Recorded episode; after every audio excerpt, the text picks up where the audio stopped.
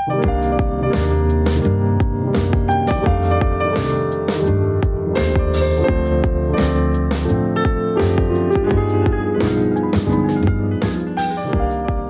datang kembali teman-teman. Hai. Kamu kenapa gitu? Lagi main piano tadi kan ada suara piano ning gitu. Teneneng neneng. Enak banget ya openingnya podcast berdua tuh. Iya. Kayak ikonik banget. Ikonik nggak tuh kayak gedung sate ya kan? Ini kalau ada videonya ngeliatin Fanny lagi main piano, tapi pianonya ditempel di dinding tau nggak? Iya kan? Dia merayap soalnya kan. Iya orang main itu di bawah keyboardnya, bukan di dinding. Jadi kamu kayak antara ngeraba sama metik not keyboard. keyboard lagi key- keyboard gitu. Keyboard. Ah, selamat datang kembali teman-teman podcast berdua yang masih setia dengerin kita ya. Setiap hari Senin di platform podcast kesayangan Anda. Pastinya.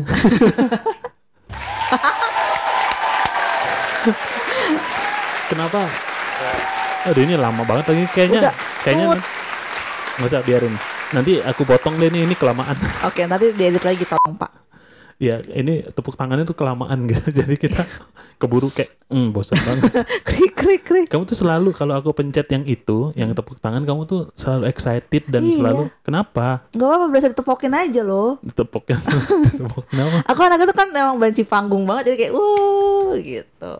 Gitu gimana? Ih seneng aja kalau ditepuk tanganin loh. Ya udah, pokoknya intinya teman-teman thank you yang udah Support. yang support kita dengerin kita ya tuh gue senang banget gitu walaupun yang dengerin masih berpuluh-puluh ya udah ada yang kalau dihitung-hitung 100 lah ada ya Iya. ratusan ratusan ada itu gue seneng banget guys Yeay. seneng ya kan Ya. ada yang dengerin apalagi kalau teman-teman kantor yang dengerin tuh terus dia ngasih advice gitu waduh seneng banget Iya benar. dan teman-teman kalian sekarang selain di platform uh, podcast uh, seperti Google Podcast, Apple Podcast, Apple Spotify, Podcast. kalian juga bisa uh, dengerin kita, di, Noise ya. Noise. Jadi sama tayangnya setiap hari Senin, Senin. juga ya. Betul.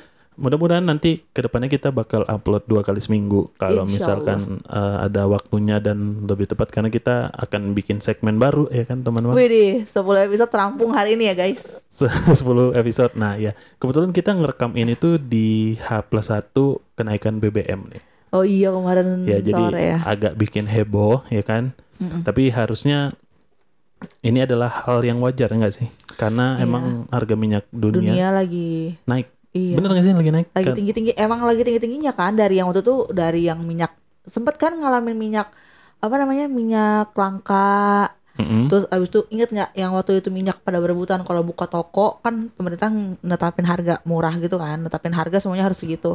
Yang pas buka toko langsung pada diserbu sama ibu-ibu inget nggak? Iya itu nah ada. kayak gitu-gitu. Nah kayaknya emang dari sejak saat itu emang sampai sekarang minyak dunia belum turun-turun ya kan? Itu kamu dapat informasi itu dari media ya? Va- Yes. valid berarti ya? Insya Allah karena emang lagi ada perang Rusia dan Ukraina, Ukraina itu kan juga. jadi ya gitu dah. Ya udah mudah-mudahan eh, keputusan pemerintah itu adalah keputusan yang terbaik ya kan Iyalah. buat masyarakat. 250 juta masyarakat Indonesia ya. Ah, dan subsidinya dialihin ke BLT dan mudah-mudahan BLT-nya itu nyampe ke orang yang tepat, ya. Tepat sasaran ya. dan tidak dipotong-potong pastinya ya nggak sih? Iyalah. Amit-amit lah ya jangan sampai mudah-mudahan yang membutuhkan tuh dapat sebenarnya kalau misalkan kita bahas kenaikan BBM kita adalah salah satu budak korporat ya bisa dibilang Mm-mm. karyawan swasta gitu ya kan dengan penghasilan rata-rata eh, pada umumnya lah ya. Iya. nggak nggak kecil-kecil banget nggak gede-gede banget. Jadi so-so lah sebenarnya. Kalau menurut kamu pribadi nih wah gila pembahasan aku tuh kayak yang host banget gitu loh nanya bintang Host tamu. Metro TV ya kan? ini latihan karena kan nanti kita kan ada bintang tamu ke kita- depannya ya kan. betul. Widih, asik gak Bridging agak teaser ya Iya. jadi nah nih ya kita mulai waduh ini juga kelamaan nih sebenarnya ya nanti kita edit ya Iya. Jadi eh, menurut kamu sebagai karyawan, eh, let's say karyawan dengan gaji UMR deh ya. Mm-mm. Menurut kamu dengan bensin pertalite eh, dengan harga 10.000 ribu, menurut kamu itu kemahalan nggak sih? Sebenarnya kalau misalnya harga bensin doang, aku nggak begitu paham karena kan aku bukan pemakai kendaraan. Tapi yang aku pikirin itu pasti bakal efek ke harga transportasi online. Hmm. Karena kan aku pengguna transportasi online ya kan, itu pasti akan lagi naik, naik kan. Itu menurut aku gimana ya mahal mah ya mahal, tapi mau nggak mau harus naikin kan? Ya, yang aku tanyain adalah menurut kamu nih Kemahalan sebagai atau enggak? enggak ya maksudnya sebenarnya dengan orang karyawan dengan gaji UMR lah kita pukul rata aja UMR itu sebenarnya berat nggak sih dengan harga bensin kayak gitu menurut kamu nih coba deh. Biasanya kamu kalau isi bensin yang motor gitu misalnya se- sekali isi bensin fullnya berapa tiga ribu? Kalau aku karena pakai Vario lama tiga puluh lima ribu itu udah ini Nah tiga puluh ribu itu buat berapa lama? se Seminggu? fullnya itu seminggu nggak nyampe sih paling 4-5 hari deh kayaknya. Berarti Kalau 30. misalkan dipakainya untuk uh, rumah kantor rumah kantor doang ya. Ya tuh berarti kan se- sebulan ada berapa hari? 30 Taruh lima hari, lima hari kalau di 30 bagi 5 berarti empat kali Enam. ngisi ya. 6 kali ngisi ya. 6 kali 35 ribu berarti kan? Iya, 6 kali 3 aja udah 180 ribu 5 kali 3 15 berarti 200 230 ribuan ya? Heeh. Eh enggak ya? Ah udah lah ribet ngitungnya Ya, pokoknya pokoknya 300 ribuan lah 300 sebulan. ribuan lah ya itu buat motor ya kan. Kita nggak tahu kalau buat cuman katakanlah kalau yang anak-anak UMR eh, mungkin kendaraan transportasi untuk mobilenya pakai kendaraan roda dua mungkin ya. Iya. atau mungkin eh, apa umum gitu tengah tengah angkutan umum. Ya mahal sih. Mahal ya. mahal nggak sih? Mungkin bisa dibilang mahal kali ya karena emang berasa gitu. Karena naiknya dua ribu kamu ngapain sih? nggak tahu tadi kayak ada ngecas gitu naiknya dua ribu ya? Naiknya 7650 naik sepuluh ribu. 2300 naiknya. nah lumayan dua ribu kan lumayan berasa yang. 2000 kali satu iya lumayan sih sebenarnya ya. Ya kan? Kalau misalkan naik tapi kalau misalkan dihitung-hitung dengan gaji UMR eh ini UMR Jakarta ya guys kita ngomongnya? Ya UMR Jakarta berapa sih sekarang? Empat koma 8 ya? Enggak empat koma enam empat eh empat koma empat atau empat koma lima gitu. Enggak kayaknya udah naik deh 4, koma- belum. Belum ya? Masih empat koma lima. Aku nggak bisa cek lagi. Taruh taruhlah empat koma lima gitu ya. Ya taruhlah empat setengah. Sebenarnya gaji UMR Jakarta ini tuh lebih cocok sebenarnya. Kan aku juga anak rantau dan aku pernah merasakan gaji UMR ya. Tapi an- gaji UMR ini sebenarnya kalau menurut aku tuh cocok untuk warga lokal yang punya rumah di sini oh. yang punya kehidupan di sini. Karena kalau menurut aku gaji UMR buat anak rantau itu ngepas banget. Oh iya sih. Iya kan karena mesti bayar kos-kosan. kos-kosan terus mesti bayar apa namanya? Angkutan umum. Angkutan umum atau kan atau makan kan makan Oh kan iya, jarang makan, masak kan betul. biasanya. Apalagi kos-kosan eh, zaman sekarang tuh jarang banget yang nyediain dapur gitu. Hmm. meskipun ada beberapa yang nyediain dapur tapi harganya juga dengan fasilitas Beda itu lagi pasti beda kan. lagi harganya kan. Jadi menurut aku eh, kalau untuk warga lokal harusnya nggak terlalu berat ya. Tapi buat teman-teman kita yang gajinya UMR terus eh, dia masih eh, merantau di ibu kota gitu gue rasa itu berat banget sih. Iya sih. Berat banget karena ya itu tadi kan mereka tuh ngeluarin duit lebih banyak daripada biasanya. warga lokal. Iya kan, Eh, sorry, pastinya. iya. Maksudnya daripada warga lokal asli gitu kan, Iya. yang udah punya sandang pangan papan di sini bener gitu. karena lumayan loh. Kalau kalau kayak aku dulu ya zaman 2002 zaman 2014 lah ya itu kan pertama kali kerja 2014 tuh dapat gaji masih 3,9 kalau nggak salah Mm-mm. 3,9 juta itu mah di atas UMR kalau 2019 eh 2014 3,9 yang berapa ya Soalnya sekarang aja 2022 kan udah beda berapa tahun? 4 jutaan beda dikit doang nggak mungkin. Mungkin tahun itu masih 2 jutaan atau 3, koma awal apa 2,9 ya mungkin. Kalau itu masih lupa mungkin. lupa sih dan itu kosan dulu masih zaman itu 2014 kosan tuh 800 ribuan lah. Itu udah Hmm, di udah- Jakarta tuh. udah AC di Palmerah Oh, Jakarta Barat. Jakarta Barat. Dan kebetulan naik motor. Dan itu ngepas banget sih. Jadi kan kita kan eh, hidup ya. Nggak nggak nggak melulu tentang makan tidur.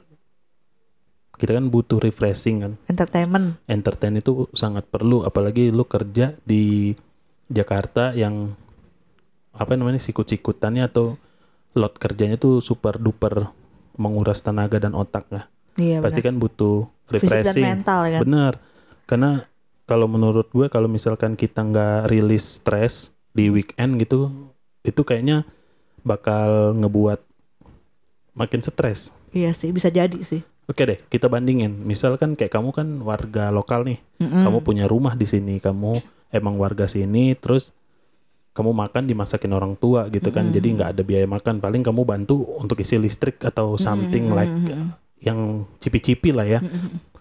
Kamu jelasin kalau misalkan kamu kerja dengan gaji UMR sekarang 4,5 misalnya dan kamu masih tinggal di rumah sendiri menurut kamu berat nggak? Jujur kayaknya nggak terlalu berasa, nggak terlalu berasa ya? Ya kan? Karena apalagi ya itu karena aku juga nggak pakai kendaraan pribadi. Ke mana? Ke mana-mana aku naik angkutan Iya dan umum. murah banget Iya, masih naik TJ ke mana-mana. Paling harga kalau pasti ini akan efek ke Grab kan? Eh sorry, akan efek ke angkutan online pasti kan. Nah, Mm. paling kalau misalnya itu naik, barulah tuh mengurangi jajan budget budget jajan hariannya gitu. paling juga naiknya berapa lah ya nggak Iya. nggak terlalu signifikan Mm. Cuman mungkin buat yang kasihan tuh adalah orang-orang yang kayak menggunakan langsung gitu loh yang ya itu kayak tadi driver online yang emang dia pakai bensinnya untuk apa namanya nyari duit. nyari duit. Berarti kan pengeluaran dia akan lebih banyak lagi gitu kan. Terus kayak kurir-kurir atau apa bagian logistik gitu gitu sih. Jadi emang dia kayak nggak ada bensin ya nggak kerja gitu kan? Betul. Iya sih ya tapi mudah-mudahan lah keputusan pemerintah ini dengan nganuin apa namanya nganuin nganuin dengan men-switch uh, subsidinya dari bensin ke BLT adalah keputusan yang bagus ya. Mm-mm. Jadi kayaknya kita berat banget yang ngobrol di episode kali ini ya. iya pusing parah aku langsung loh 10 menit pertama ini Oke. kita skip lah ya.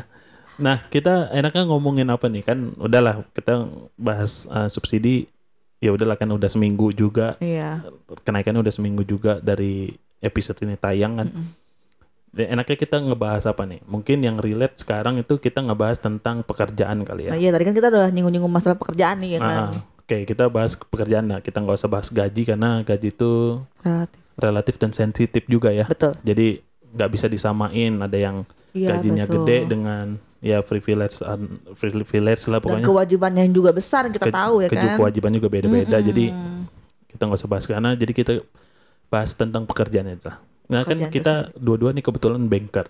Kamu banker, Mm-mm. aku banker. Aku udah tujuh tahun sebagai banker. Kamu juga. lima Kamu total berapa? lima tahun sih tiga tahun Tiga tahun, Iya, setahun, dua tahun lima tahunan lima tahunan nah, ya. kan aku sempat di retail Kamu sempat beralih itu ya, sempat beralih beralih di treasury sama retail retail ya itu. dan akhirnya balik lagi ke bank Nah, seperti yang kita bahas, kita bahas dulu tentang cita-cita deh.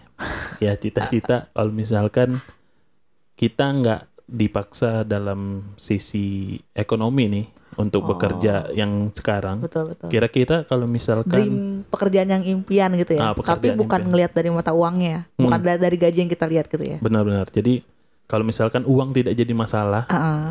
pekerjaan apa sih yang kamu pengen? aku ya Ah. Pesulap lagi. Itu cita-cita zaman kecil loh. Nggak nggak nggak. Nggak tapi sekarang aku kayak menyadari ternyata tuh bukan aku mau jadi pesulapnya tapi tuh aku tuh pengen banget dilihat orang. Pengen show off. yes. Hmm. kayak aku tuh aku seneng dilihat orang semua orang tuh ngeliat aku. Tapi aku tuh anaknya nggak pedean. Tapi kan banyak eh, jalan lain gitu selain pesulap Iya untuk iya iya show off sebenarnya gitu maksudnya. sebenarnya. Cuman aku suka pesulap karena aku suka trik-trik gitu loh. Karena aku Ah. suka kayak belajar gimana caranya. Aku suka kayak oh in, kita kalau kayak begini ternyata hasilnya jadi kayak gini loh. Jadi suka aja trik-trik gitu aku suka gitu. Sampai sekarang. Sampai sekarang Enggak juga sih sekarang udah nggak pernah ngikutin lagi dunia sulap lagi sih.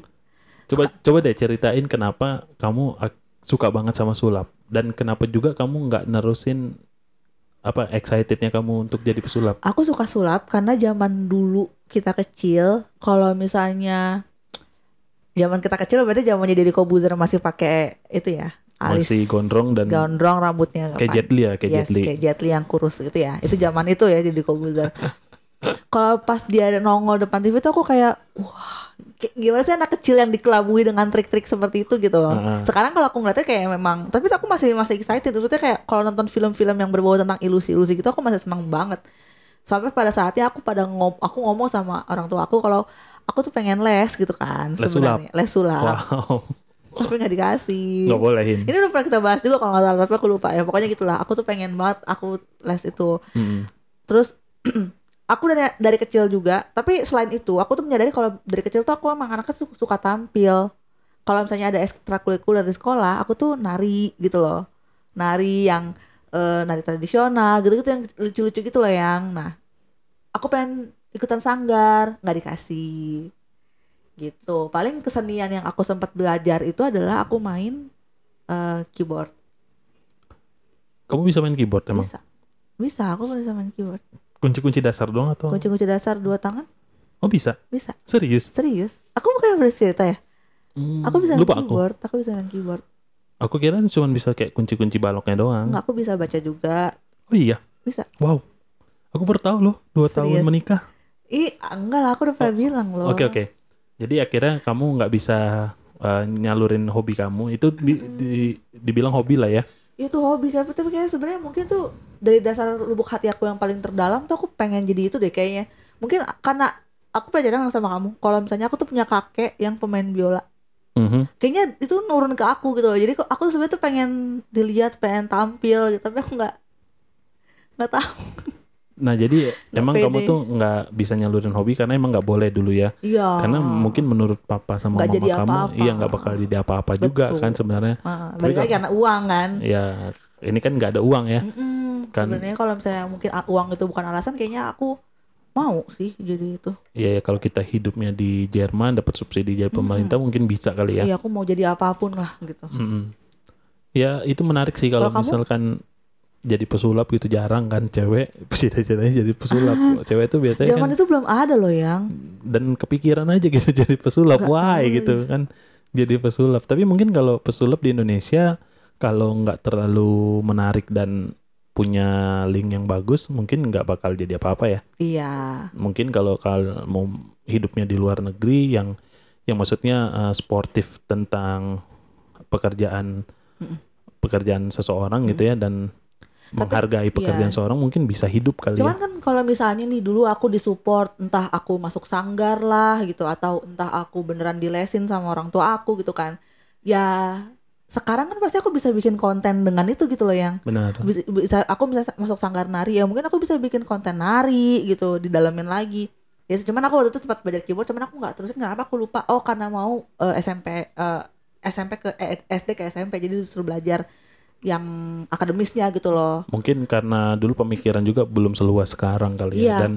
kita belum bisa ngelihat dunia luar dengan Betul. jelas. Jadi contoh-contoh yang datang atau yang kita lihat mungkin nggak seluas sekarang. Jadinya Hmm. mungkin kalau misalkan nanti anak kita ada anak kita udah lahir dan dia pengen hal yang sama seperti kamu, mungkin karena kita udah ngelihat sisi lainnya Hmm. di dunia yang dia mau gitu. Jadi kita bisa eh, ya udah let's it flow aja. Jadi kalau misalkan dia mau ya udah silakan jalanin Iya. aja. Kayak kita juga Gitu. tetap harus keeping update gitu loh kayak eh, pekerjaan yang waktu itu orang tua aku harapin pas aku udah gede sekarang, kayaknya ada beberapa mungkin yang udah nggak ada, ya kan yang Hmm. karena era digital itu sendiri ya. Contohnya Contohnya mungkin orang tua pengen apa ya? Apa ya yang contohnya yang udah diganti sama digital? Yang pekerjaan-pekerjaan udah banyak yang shifting leh. Yang Apa udah ya? bukan manusia lagi gitu. Ya sekarang waiters aja udah udah ada yang robot kan. Iya, tapi bellboy di hotel udah ada robot kan? Maksud aku nanti kan ke depannya pas kita punya anak mungkin bahkan udah nggak ada waiters lagi udah nggak ada bellboy eh udah nggak ada bellboy lagi di hotel gitu loh. Semuanya udah pada jadi memang ada pekerjaan-pekerjaan yang udah makin lama makin ke sini tuh makin tergantikan gitu. Jadi kalau misalnya nanti anak kita mau jadi apa selama kita bisa eh provide dan apa sih mengikuti juga kemauan anak itu mau mau ke mana gitu loh maksud aku. Jangan pakem kayak zaman ah jangan saya sekarang kita ngelihat hmm, sekarang yang enak kerjaan apa ya yang? Yang enak? Kerjaan yang enak. misalnya sekarang kita ngelihat Jadi reviewer makanan, ya, sambil makan ya. Tapi dengan penghasilan tetap gitu.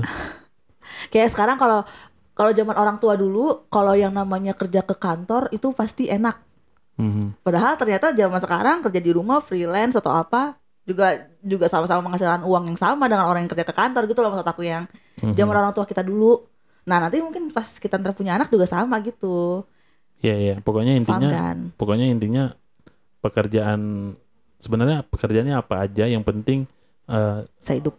bisa hidup dan hobi anak kita itu tersalurkan. gitu. Dan balik lagi karena kita ngebahasnya adalah eh, pengen jadi apa kalau misalkan uang, Uang bukan masalah. bukan masalah? Nah kalau kamu itu tuh. Kalau misalkan aku kalau uang bukan masalah ya pastinya aku jadi pemain musik sih. Kayaknya udah emang udah, tapi untungnya kamu tersalurkan ya yang. Dulu mama kamu kayak, aku tersalurkan dan dapat support yang penuh juga. "Mm-mm." Karena aku aku ngeband itu kan mulai dari kelas 1 SMP sampai hari ini aku masih bermain band gitu ya. Da- walaupun dari kelas satunya aku main gitar tapi akhirnya aku pindah jadi drummer dengan otodidak dan sama sekali nggak pernah les sampai detik iya? ini. Iya. nggak ngeles. Jadi emang dulu tuh almarhum nyokap support banget yang kayak gini-gini. Iya. Jadi kayak nyokap juga kan senang sama musik. Jadi sampai dulu kan papaku kan punya mobil nganggur ya. Mobil carry yang kayak angkot gitu tapi bukan mobil angkot. Iya tau. Mobil carry yang kecil gitu sampai itu akhirnya dijadiin mobil operasional band aku gitu. Buat ke mana-mana naik itu tuh rame-rame Jadi gitu. kalau ada festival zaman SMP kan festival ya, bukan jadi Iya, gestar iya, bukan. Jadi kita bayar ikut festival dinilai juri gitu kan Lomba. lomba-lomba gitu. Itu kita yang punya mobil sendiri dan mobilnya itu di stikerin nama band kita Wih gitu. Namanya Real Star. Re- Real star nggak tuh? itu yang ngasih mama yang ngasih nama mama. Oh iya. Iya. Jadi kita dengan alat dengan rombongan yang datang tuh jadi kayak pede banget tuh padahal lawan kita tuh orang-orang udah gede-gede lah udah SMA udah kuliah gitu kita masih SMP ya udah jalanin aja jadi menurut aku kalau disuruh pilih pekerjaan aku ketika uang bukan masalah ya itu jadi musisi Jadi musik. Nerusin eh, profesi kamu jadi musisi gitu. iya jadi ya udah bermusik aja gitu Iya benar. walaupun sebenarnya jadi musisi itu ada juga yang meng- yang Iya, bisa hidup yang bisa kaya banget malah ada juga Betul, cuman kan betul. kalau aku kan sekarang kan mainnya musik yang eh, niche banget ya niche banget gitu Mhm. ya butuh komunitas untuk eh, biar musiknya keterima gitu bukan diterima dengan hal halayak umum gitu nggak Mhm. nggak bisa gitu kan karena musiknya musik metal gitu Betul betul. jadi kalau misal di itu ya udahlah musisi aja nggak ada yang lain tuh Nerusin lah ya. nerusin aja Ya apalagi kamu udah disupport sama saat itu udah disupport ya kan jadi tinggal nerusin aja sih. Iya jadi emang dari SMP SMA aku juga udah tur-tur gitu-gitu kan udah dapat sponsor juga bandnya dan band itu lahirnya di 2012 yang sekarang ya Mhm. sekarang udah 2022 udah 10 tahun 10 bahkan tahun. Agustus kemarin tuh 10 tahun loh dia Oh iya bener ya anniversary. Oh ya ampun sama kayak JKT48 gak sih kemarin 10 tahun juga. oh iya Oh iya. JKT48 tuh 2012 Agustus juga. 2012 juga ya Heeh. Oh itu rame banget yang konsernya yang aku bilang aku jadi wota tiba-tiba. itu kalau misalkan ngebahas tanpa mikirin uang ya Tapi kayaknya gitu. ke depannya boleh kali ya kita eh, coba untuk nyalurin hobi kita lagi yang. boleh banget aku misalkan kalau misalkan kamu bisa main keyboard why not kita beli nggak beli keyboard gitu Ayo yuk coba kan yuk. seru juga kan karena aku Tapi juga aku hobi kan ngotak-ngatik Ah, ah, tapi aku jujur sekarang udah lupa. berarti nggak bisa dong Iya, maksud aku ya gimana? Ya udah kaku lah gimana? Aku dulu bisa. tapi bisa nggak maksudnya Bisa. kalau misalkan sekarang ada keyboardnya kamu bisa nggak ya, setidaknya kamu ingat kuncinya letaknya di mana Oh nggak ingat. ya udah berarti nggak bisa dong Ya menurut kamu yang aku SD. ya aku jarang main gitar tapi aku tahu main gitar Oh ya udah ya, ya udahlah. Ya udah katakanlah aku nggak bisa. Tapi aku emang aku dulu bisa main. ya udah nanti coba les. beli aja daripada Ya mungkin kalau misalnya aku lupa jadi kayak pas belajar lagi lebih gampang gitu loh. Iya. Lebih kayak tinggal di recall aja. benar-benar Ya nggak sih? Iya. Nggak ya? Iya. ya udah tadi kan kita bahas eh, tentang apa tadi pekerjaan yang kita impikan gitu kan. Mm-mm. Terus kalau sekarang kita ngelihat kehidupan pekerjaan eh, pasca pan belum pasca ya masih pandemi ini kan emang nyari kerja Sus- kayak sulit. susah. Terus ditambah lagi sekarang tuh eh, pekerjaan yang diidam-idamkan banyak orang yaitu kerja di startup. Oh iya. Terus startup juga lagi goyang banget kan. Mhm. Nah, sedangkan kita tuh pernah kayak aku mau pindah ke startup deh biar gaji gue lompat-lompat dan gaji gue jadi gede gitu kan. Mhm. Tapi ternyata startup tuh lagi goyang banget nih. Betul. Even sister company di Iya, tempat kamu kerja pun lagi ada isu Iya, PHK iya. gitu ya. Dan masif gitu dan eh berdampaknya tuh kayak wah makin banyak aja nih pengangguran di mhm, mhm. di ibu kota nggak tahu kalau di luar kalau di luar kan paling kalau di luar Jabodetabek atau di luar Pulau Jawa mungkin pekerjaan tuh kan nggak banyak pilihannya ya. Paling PNS polisi Iya, tentara iya, iya, gitu-gitu iya, doang ya ha, kan. kalau kita kan di swasta nih banyak banget pilihan kerja karena di ibu kota. Nah menurut kamu eh, dunia startup ini gimana sih? Sedangkan teman kita juga ada curhat-curhat dikit. Mm-mm.